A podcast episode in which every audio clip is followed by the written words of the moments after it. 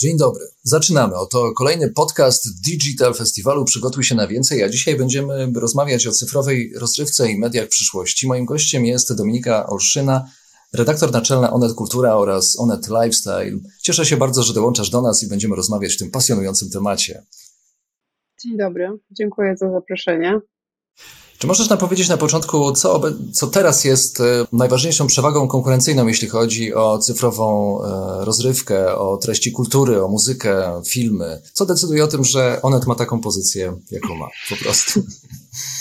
No to jest w ogóle ciekawe, co mówisz, bo w ogóle dla mnie słowo rozrywka jest trochę do zdekodowania, dlatego że rozrywka i kultura to jest zawsze ta dyskusja, czy to się łączy, czy to się nie łączy. Gdybyśmy mieli spojrzeć dzisiaj na internet, no to na pewno klika się rozrywka, nie wiem, czy klika się kultura. No i tutaj musimy sobie zdefiniować pewne ramy i pewne granice.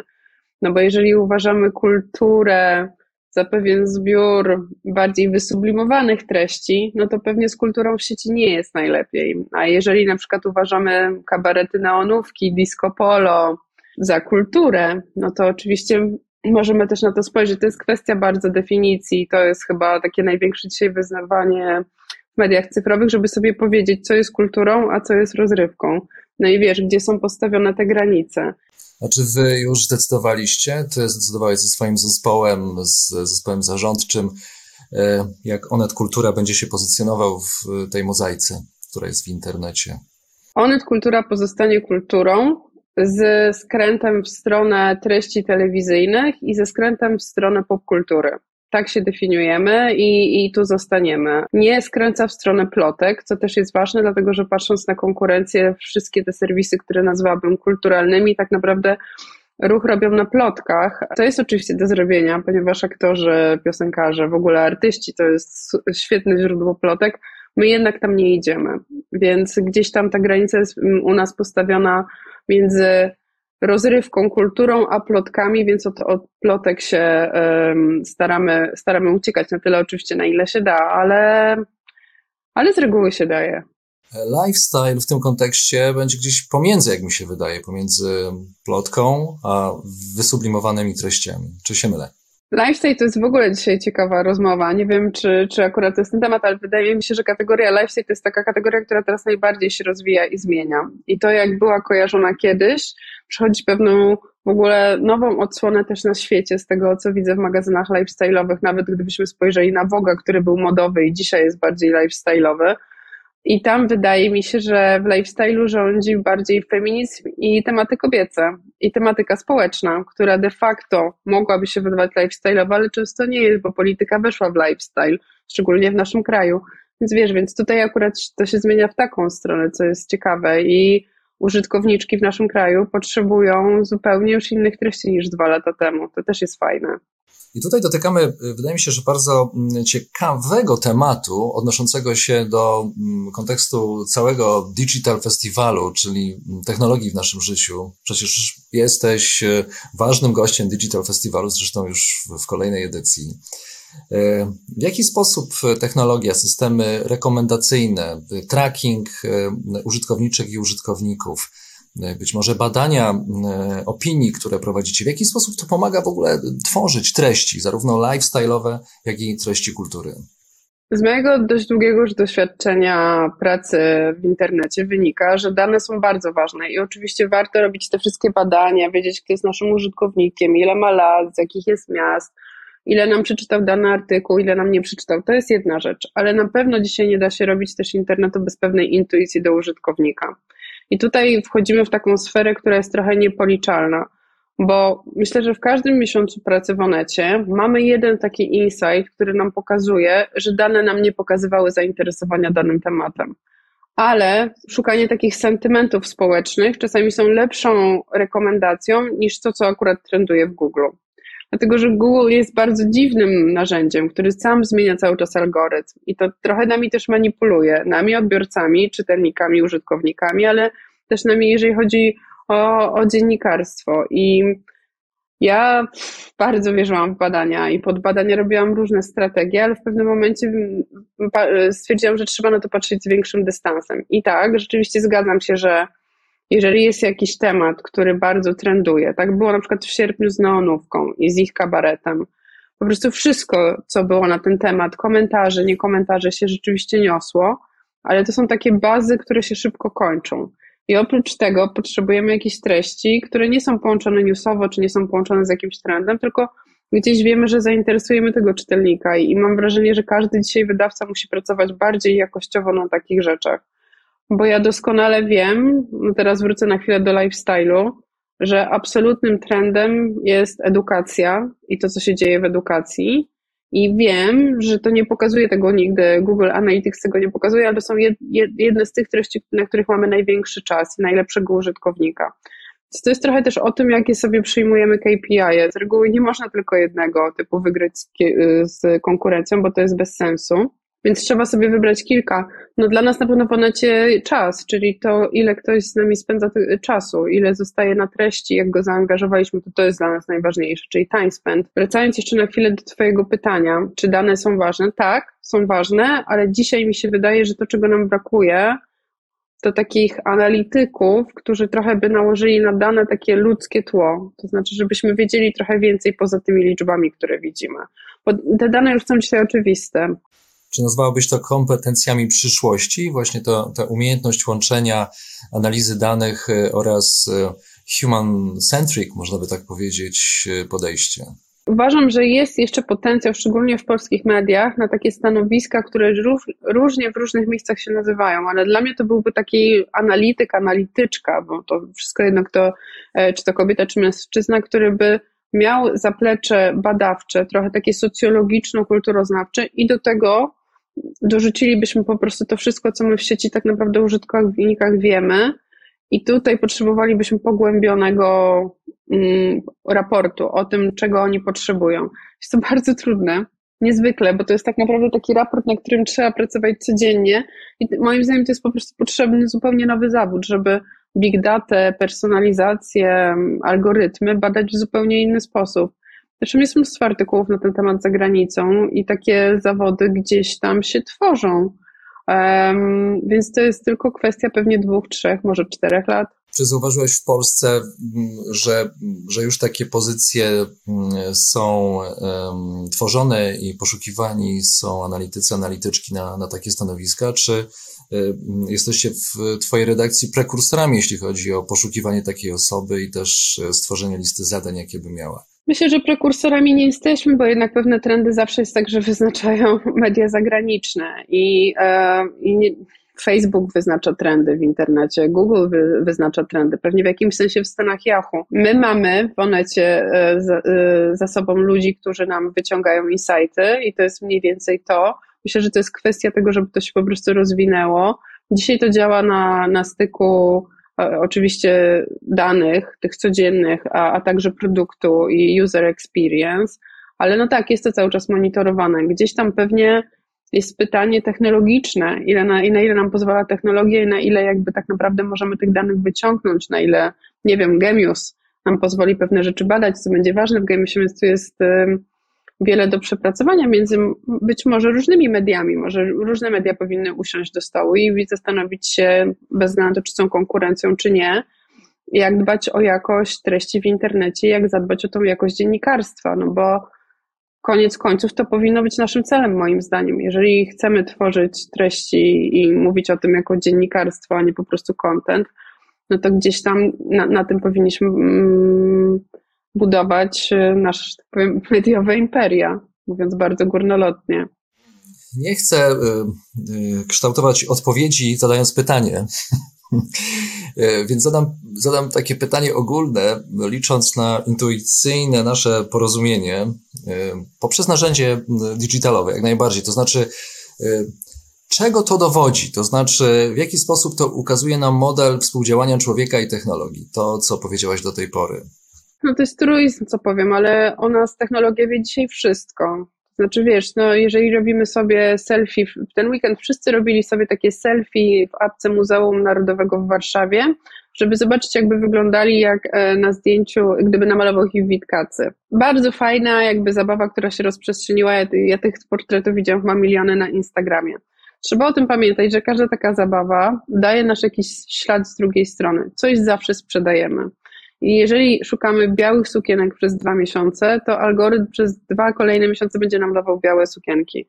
Jeżeli gdzieś robimy selfie w jakiejś aplikacji, to pokazujemy rozstawienie swoich źrenic, swój kolor włosów, oczu i wszystkiego, więc też sprzedajemy jakieś dane. Czy my chyba dzisiaj od technologii nie jesteśmy w stanie uciec? To znaczy, my albo musimy się nauczyć z nią funkcjonować, żeby to było dla nas bezpieczne, i też mówię to w kontekście mediów, to znaczy, my wiedząc, kto co czyta, też jakby jesteśmy w stanie wyciągnąć bardzo dużo poglądy polityczne, zarobki, zasób. Nawet jeżeli sprawdzasz w kalkulatorze, na jakim stać cię kredyt, no to mniej więcej mamy dostęp do tego, na ile jakby liczysz, ile masz pieniędzy i tak dalej, i tak dalej. My te wszystkie dane gdzieś tam wypuszczamy, gdzieś wpisujemy. Więc wiesz, patrząc tak bardzo szeroko, no to chyba jedyną ucieczką od technologii dzisiaj to się po prostu wyłączyć, chyba że nam wyłączą prąd. Mm, I wtedy będziemy mieli jakiś checking, co jest chyba coraz bardziej możliwe. Oczywiście teraz trochę żartuję, ale mm, technologia zabrała nam każdy element życia. Wiesz, nawiążę do czegoś bardzo kobiecego. Dzisiaj kobiety używają apek, żeby zaznaczyć swój e, okres menstruacji. Wszystkie dane medyczne tam są, więc e, już abstrahując od nas mediów, gdzie też uważam, że generujemy dość dużo wiedzy na temat ludzi, to, to jeszcze zostaje nam to, to, te wszystkie udogodnienia, które mamy, które też nas po prostu trakują. Ale udogodnienia jakieś są i, z, tego, z tego korzystamy, prawda? To, mm, to musimy też rzeczywiście mm, zauważyć tę pozytywną stronę, czy, czy też mm, z dziennikarskiego punktu widzenia e, trzeba by jednak tę drugą stronę zauważyć również. W naszym zawodzie na pewno. Ja nie mam oczywiście takich wspomnień, ale moja e, teściowa opowiadała mi, że jak ona robiła wywiad, to zajmowało cały miesiąc ona jechała na ten wywiad gdzieś, go przeprowadzała, spisywała i potem listownie go pisała na maszynie i wysyłała do autoryzacji. Jak ta autoryzacja przyszła od bohatera, no to mogło być, wiesz, miesiąc, wiesz, poczta, lata 70., więc nawet takie rzeczy są zupełnie inne, wiem, czy research. Nie siedzimy dzisiaj w bibliotekach. Często bym powiedziała, że niestety, może życzyłabym sobie, żeby moi e, pracownicy sami poszli do biblioteki i czegoś tam poszukali, ale w naszej pracy nie ma już dzisiaj na to miejsca i czasu. Jak e, tworzyć nowoczesne dziennikarstwo, które jest bogate w treści, wykorzystując technologię, skoro od niej nie możemy uciec? Czy macie na to już jakiś pomysł, sposób, e, stosujecie? Czy możecie nam zdradzić, e, czy możesz nam zdradzić przynajmniej część tego warsztatu dziennikarstwa digitalnego? Myślę, że on jest takim miejscem, które nie chce w ogóle stracić tego, że oczywiście RU jest ważne, ale jakość jest ważniejsza. I e, to, nad czym my pracujemy, i myślę, że to jest taki insight, który mogę szczerze powiedzieć, to nic dla ludzi nie jest tak interesujące, ciekawe, angażujące jak autorskie treści. Gro internetu to jest niestety spisywanie newsów od siebie nawzajem, spisywanych z zagranicy, przykładaniem ich na różne rzeczy. To jest tak zwany szybki content. Ale tak naprawdę uważam, że to czasami widać, że jeden tekst który jest świetnym reportażem na temat, który angażuje wielu Polaków i mm, jest dużo lepszy i dużo bardziej nam się opłaca pod względem nie tylko ruchu, ale też marketingowym, wizerunkowym, albo w ogóle moglibyśmy powiedzieć, że się wpisuje w jakieś wartości, bo coś pokazujemy, co jest ważne. Więc ja dzisiaj bym chyba w, w rozwoju mediów cyfrowych walczyła o jakość, bo to jest najważniejsze.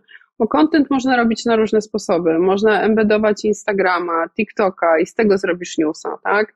To jest pytanie po prostu, um, ruch i content jest najprostszy do zrobienia dzisiaj.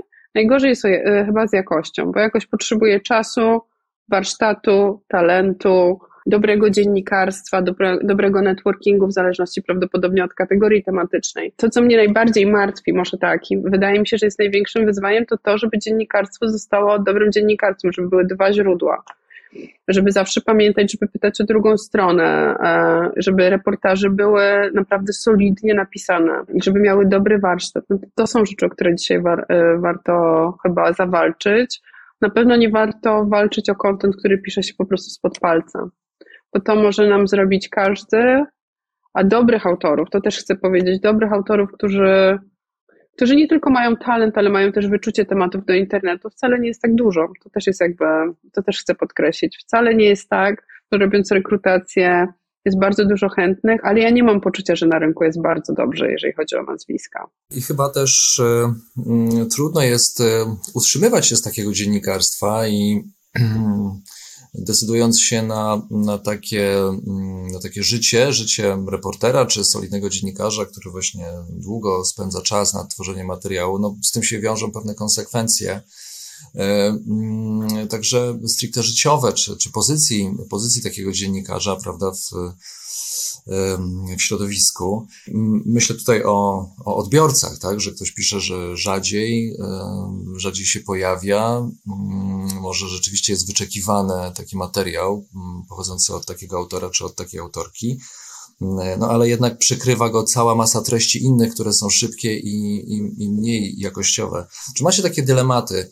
No bo dobry, dobry tekst czyta się dłużej, załóżmy, że zyska tysiąc odbiorców, a tekst, który będzie tekstem plotkarskim, zyska tysiąc razy tysiąc.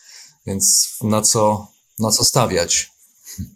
Na jedno i na drugie, dlatego że znaczy ja mówię oczywiście z pozycji Onetu. Onet jest dla wszystkich, to znaczy dla użytkowników, którzy chcą tylko przeczytać te lekkie rzeczy, plotki, nie wiem, przepisy kulinarne, ale jest też dla osób, którzy, są w stanie przeczytać tekst, który się czyta 25 minut. My też mamy takich użytkowników. Gdybym prowadziła jakiś niszowy portal, nie taki jak Onet, to prawdopodobnie bym bardzo się zastanawiała, jaka jest moja grupa. Gdyby ona była niska, pewnie jeżeli miałabym jakąś specjalizację bardzo konkretną, byłoby to dla mnie ok. Wydaje mi się, że w mediach jest tak, że to trochę jest jak love brand, że każdy ma swój ulubiony. Jedni lubią wirtualną Polskę, inni lubią Interię, a jeszcze inni lubią Onet. Jest jeszcze grupa, która przejdzie przez wszystkie te portale, a jest jeszcze taka grupa, która w ogóle nie wejdzie na żadną stronę główną, tylko czyta wszystko z Facebooka. I tutaj właściwie to jest najtrudniejsza grupa, ponieważ ona z reguły w badaniach nigdy nie wie, gdzie co czytała. I zawsze na przykład odpowiada, gdzieś to czytałem na Onecie albo w WUP-ie. To jest mój ulubiony respondent, który nie wie, gdzie coś czytał. To oznacza, że dla niego taka jakość, o której ja mówię, że jest autor i za tym autorem, typu, nie wiem, Kamil Dziubka, mój serdeczny kolega z redakcji, tak? Za który, którego followuje dużo osób, żeby czytać jego analizy polityczne. No ale myślę, że jest gro osób, które czyta jego analizy polityczne i w ogóle nie wie, kim jest Kamil Dziubka. To jest jakby magia, ale też i problem internetu, że my się wcale tak nie utożsamiamy z autorami dzisiaj. To się zgadza, to jest zresztą trend, który y, przyszedł ze Stanów, bo w Stanach y, Facebook jest traktowany jako źródło informacji takich politycznych, społecznych i gospodarczych. Więc wydaje mi się, że i to w Polsce takie zjawisko będzie się nasilać. A ja jeszcze chciałbym y, dopytać, bo jestem tego ciekawy, jak to się stało właśnie, że ten obszar lifestyle'u zdominowany został treściami oczekiwanymi przez, przez kobiety. I czy to jest tak, że, że nie ma tam miejsca na no właśnie na, na treści uniwersalne albo dla, dla, dla równości płci. My tutaj na festiwalu mówimy dużo o kobietach e, i mówimy raczej odwrotnie, że właśnie, że kobietom trzeba uchylać coraz szerzej drzwi, a tutaj się okazuje, że jest jakaś dziedzina, gdzie, gdzie jest was bardzo dużo, macie dużą przestrzeń. No w ogóle dziennikarstwo lifestyle'owe kojarzyło się zawsze z kobietami, bo ono się wywodzi z magazynów, z miesięczników, z prasy kobiecej, która była ogromnym segmentem. Dopóki był papier, to tak naprawdę najwięcej było takich magazynów, magazynów, one były, miały różne charaktery, więcej porad, mniej porad, bardziej lifestyle'owe, bardziej modowe, tego było bardzo dużo. Dzisiaj jak idziesz do kiosku, to ja nie będę wymieniać tytułów, które zostały, ale zostało bardzo mało. I gdzieś to zainteresowanie musiało się przenieść. I na pewno bardzo duża część, ja to bardzo brzydko powiem, ale tak nazywamy tą grupę boomerek, przeszła do internetu w pandemii.